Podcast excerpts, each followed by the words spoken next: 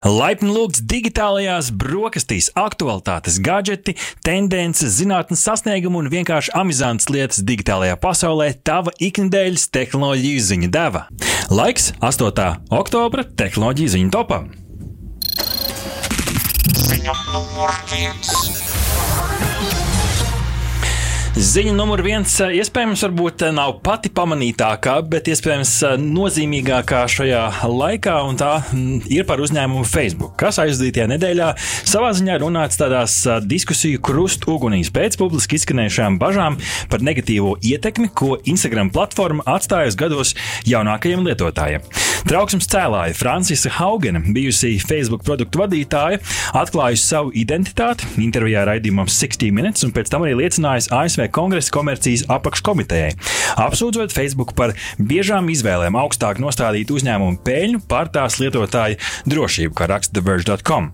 Haugena apgalvo, ka visa pamatā pie vainas ir 18. gadā darbībā implementētais algoritms, kurš ir no vienas puses radīts, lai vairāk rādītu draugu un, un ģimenes saturu, taču no otras puses šis algoritms strādā ļoti uz miedarbības veicināšanu, un uzņēmums esot jau toreiz sapratis, ka vislabāk miedarbību var veicināt, protams, ar bailēm un naidu.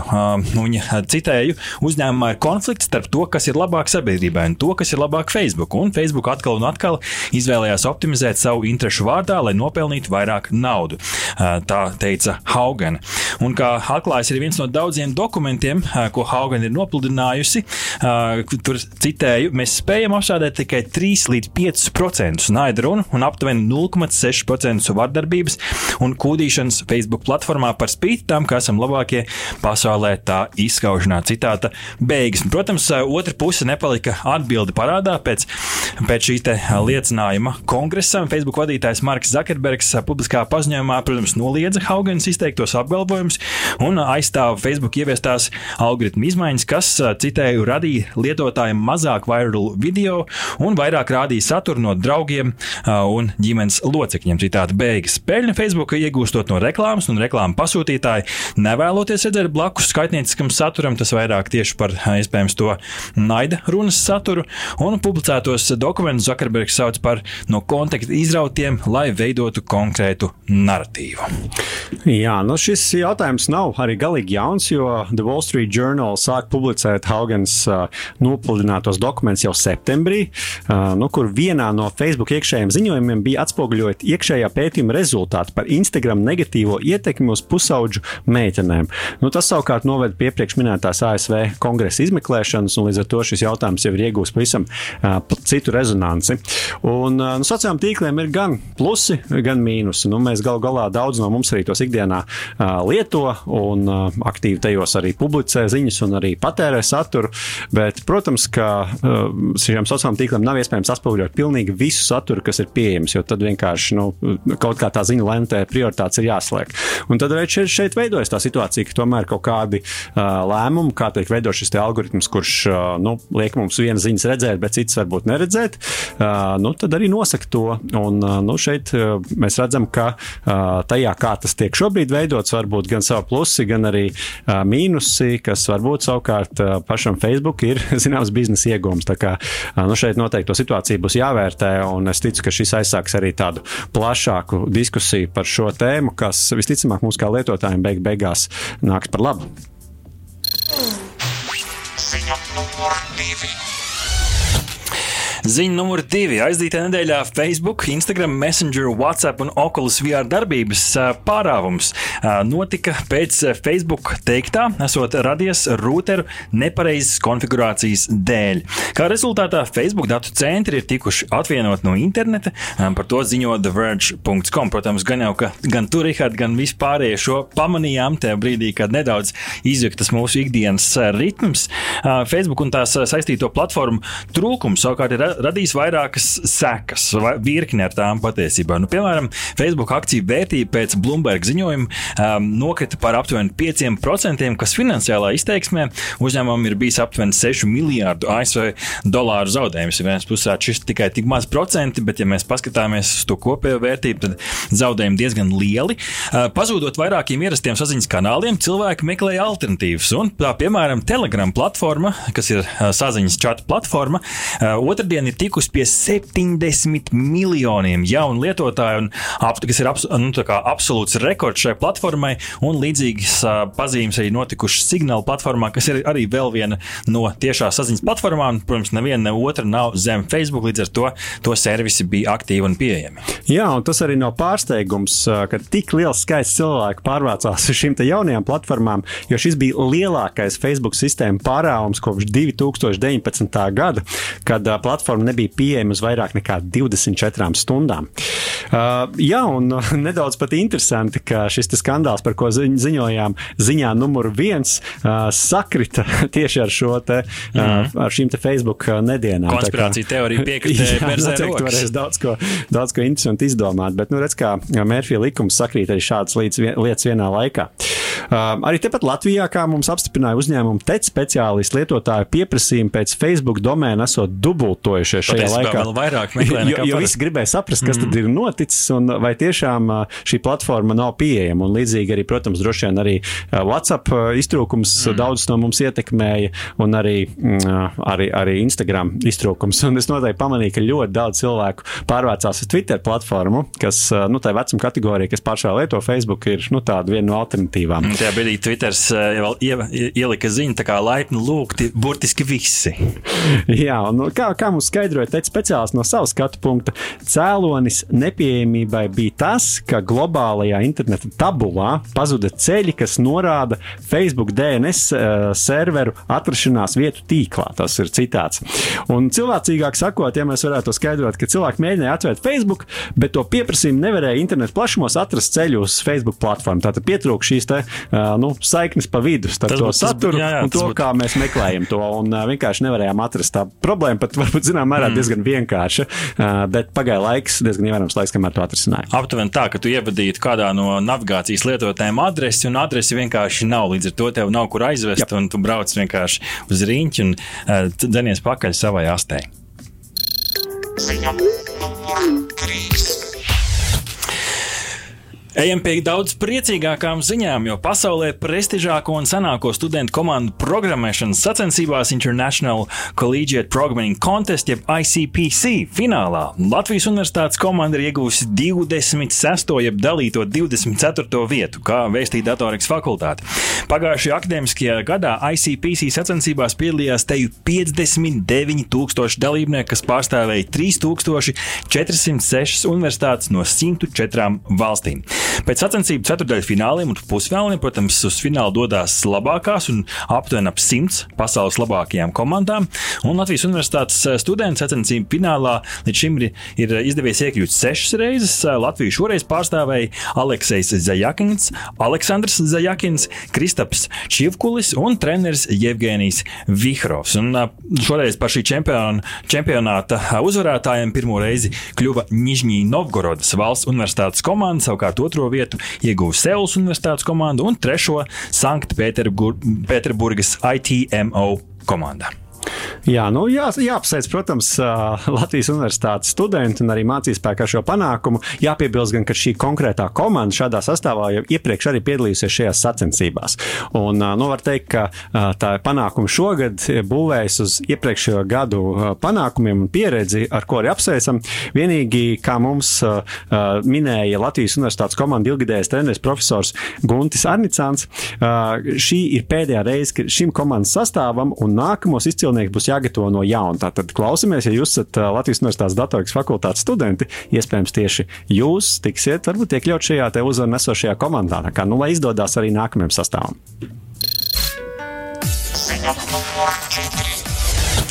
Šī noteikti nav nedēļa, kad platformas var uzgavilēt, jo starp citu ir uzlauzta traumēšanas platforma Twitch. Kāds anonīms hackers tiešsaistē ir ievietojis visu Twitch pirmkodu, lietotāju komentāru vēsturi, finanšu informāciju ar saturu par veidotāju saņemto atalgojumu, kā arī informāciju par vēl neizlaisto Steam konsoles, video spēļu konsoles konkurentu Vapor, kā raksta kursors LV.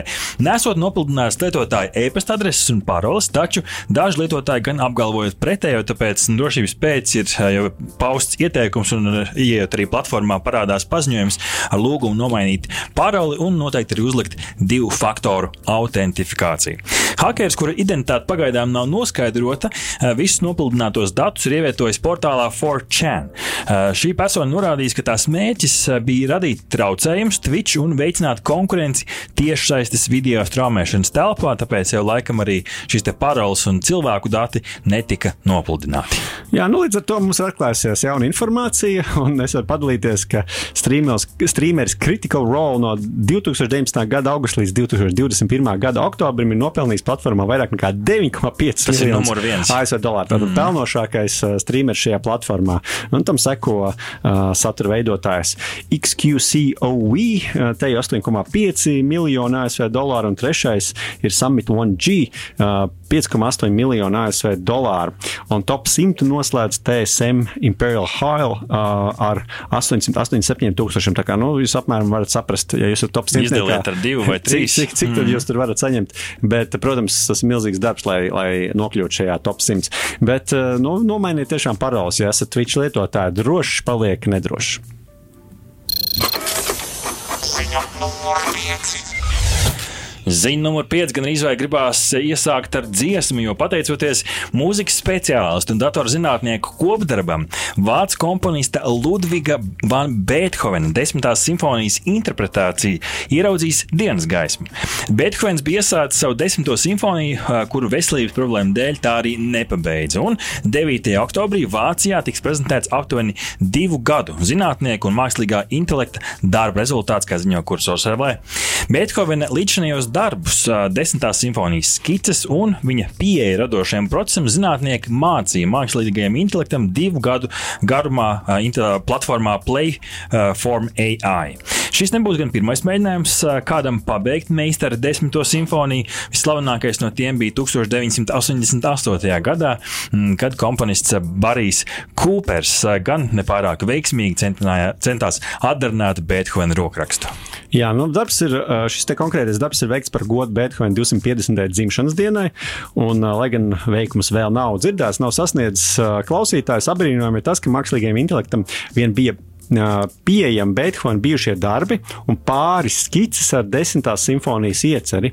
Un, līdz ar to mākslīgais intelekts paņēma to, ko bija ieskicējis Beethovens, un imitējot viņa rokrakstu, uzrakstīja iztrukstošos nošu gabalus. Man gan uzreiz ir jautājums, vai ja viņš vēlreiz atkārtot šo darbu divu gadu garumā, vai viņš nonāk pie tāda paša rezultāta, vai tomēr citādi. Bet to laikam mēs ticamāk neuzzināsim. vai arī uzzināsim tālākā nākotnē, kad šis būs attīstīts daudz plašāk.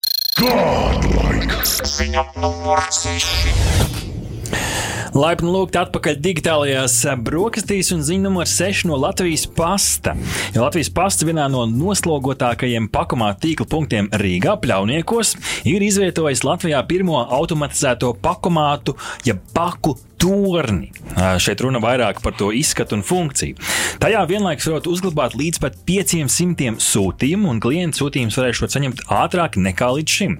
5 metrus augstais tornis ir ne tikai ietilpīgs, bet arī ļoti kompakts. Torņa izvietošanai nepieciešama 5,4 km2. Klientiem lietojot paku torni, kā mums stāstīja Latvijas pasts, neradīšoties izaicinājums saprast, kuras pakumā durtiņas ir atvērušās, jo visu sūtījumu saņemšana notiks turpat pie skāriena ekrāna.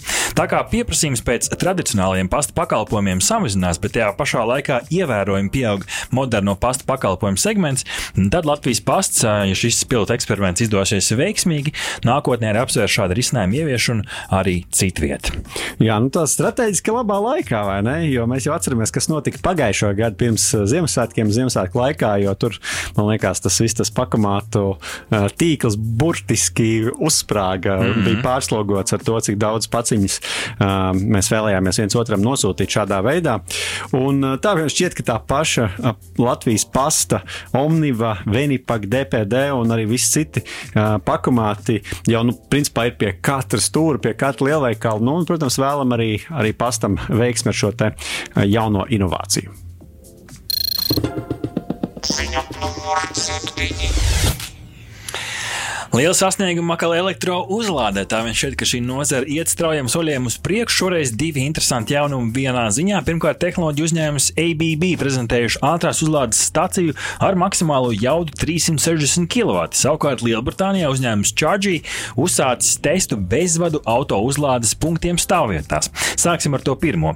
Uh, minētais ABB uh, uzlādes punkts Terra 360 ātrās uzlādes stacija. Uh, tajā varēšot pieslēgt līdz pat četriem elektroautoriem automobīļiem vienlaicīgi, bet akumulātori pilnai uzlādē neatkarīgi no elektroautorāta modeļa. Tas aizņemšot va, nu, ne vairāk kā 15 minūtes, tas pateicoties šai 360 kW uzlādes spējai, kā ziņo DLFLV. ABB plāno, ka vēl līdz šī gada beigām pirmās īpaši jaudīgās uzlādes stacijas parādīsies Eiropā, bet no 22. gada arī citvietā pasaulē. Savukārt iepriekš minētais Chargy uzlādes bloks stāvvietā, kas ir Lielbritānijā, ļaus mašīnu mašīnas lādēt automašīnām, atrodoties virs šī konkrētā bloka. Kaut kas līdzīgs nedaudz kā tas ceļš, ko Gēteburgas pilsētā izveidoja, lai lādētu elektroautomašīnas kustībā. Gan. Pagaidām šis bloks tiks nodots testēšanai speciāli pielāgotām elektroautomašīnām, kas būs pieejams cilvēkiem koplietošanai. Uzlādes bloks neizslēgs iespēju lādēt automašīnu arī ar vadu, kā ziņo kursors LV. Jā, nu redz, interesants tehnoloģijas.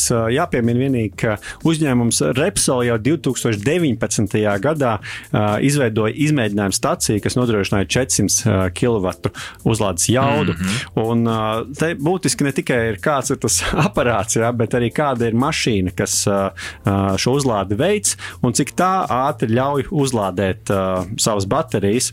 Un tā piemēram, uh, 350 kW uzlādes jaudu atbalsta Hyundai Ioniq 5 un Kia EV6. Savukārt Tesla jaunākie elektromobīļi atbalsta maksimums 250 kW uzlādi, bet Porsche Taycan 270 kW. Tā kā, nu, lai cik ātras būtu šīs uzlādes iespējas, būtiski arī ar kādu auto jūs pārvietojaties. Tas kaut kur līdzīgi kā ar telefoniem. Viens puses super ātrā uzlāde ir pieejama, bet kā mēs redzam, jaunākajos vietāruņos, nu kā joprojām nav tie 100 kW visiem tā, tā nav, un kaut kas līdzīgs ir arī ar elektroautomašīnām. Ziņa numur 8. Kādā interesantā klīniskajā pētījumā ar smagu depresiju sirkstošai pacientei Sārai smadzenēs iešūts čips, kas ar elektroimpulsu palīdzību izmaina smadzeņu darbību. Konkrētai 36 gadus vecajai pacientei čips palīdzējis mazināt depresijas pazīmes, taču vēl nav zināms, vai efekts būtu līdzīgs arī citiem pacientiem ar tādu smagu depresijas pazīmi.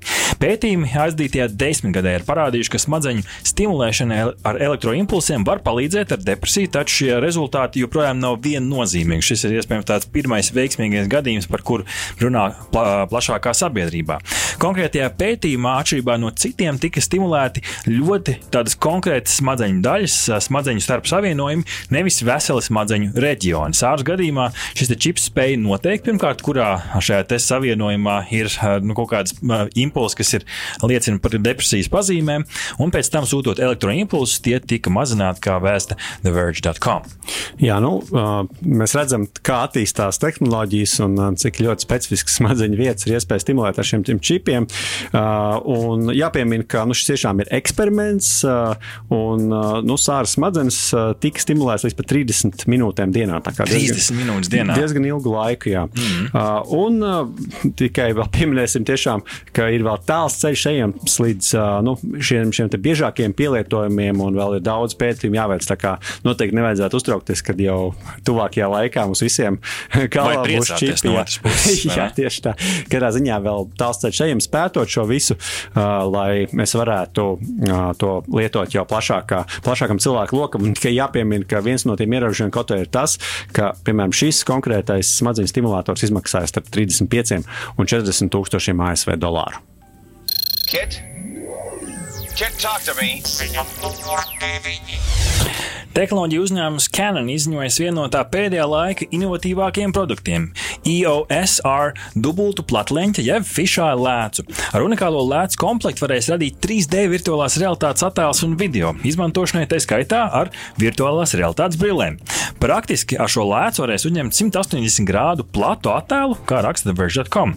Lai gan ar lēcu būs iespējams uzņemt līdz pat 8K kvalitātes video materiālam, pagaidām gan tas būs sadarīgs tikai ar vienu no Canon video kamerām un failu konvertēšanai būs nepieciešama speciāla lietotne. Lēts paredz to, ka video materiāls varēs uzņemt ar izaicin arī izaicinošākos gaismas apstākļos. Ūdens un putekļu izturīgums paredz to, ka to varēs izmantot profesionāli jebkā, jebkādā vidē un jebkādos laika apstākļos. Un pēcapstrādē materiāls, uh, materiālu varēs īpašā, ar īpašu pielāgojumu izmantot Adobe Premiere Pro programmatūrā. Nu jā, uzreiz gan jāsaka, šis produkts cenas ziņā uh, uzreiz to ieliek profesionālā aprīkojuma kategorijā, un diez vai tas būs pie pa kabatai mums visiem amatieriem. Un, protams, šī arī nav pilnīga inovācija, jo jau līdz šim ir bijis iespējams filmēt ļoti platus un mm -hmm. pat 360 grādu kadrus, taču šī kamera, protams, atkal tiec šo tehnoloģiju uzlabot.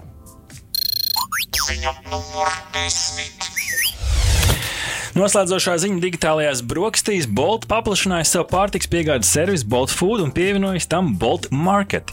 Tiešais veikalā klienti varēs pasūtīt pārtiks preces un uh, saņemt, nu, labākajā gadījumā 15 minūšu laikā, kas jau, protams, papildina līdz šim Latvijā esošo piegādes servisu klāstu. Gan iepriekš arī digitālajās brokastīs uh, stāstījām par Bolt Market, gan jau eksistējošās piegādes servisus, gan no Barbora, Erimi un citiem.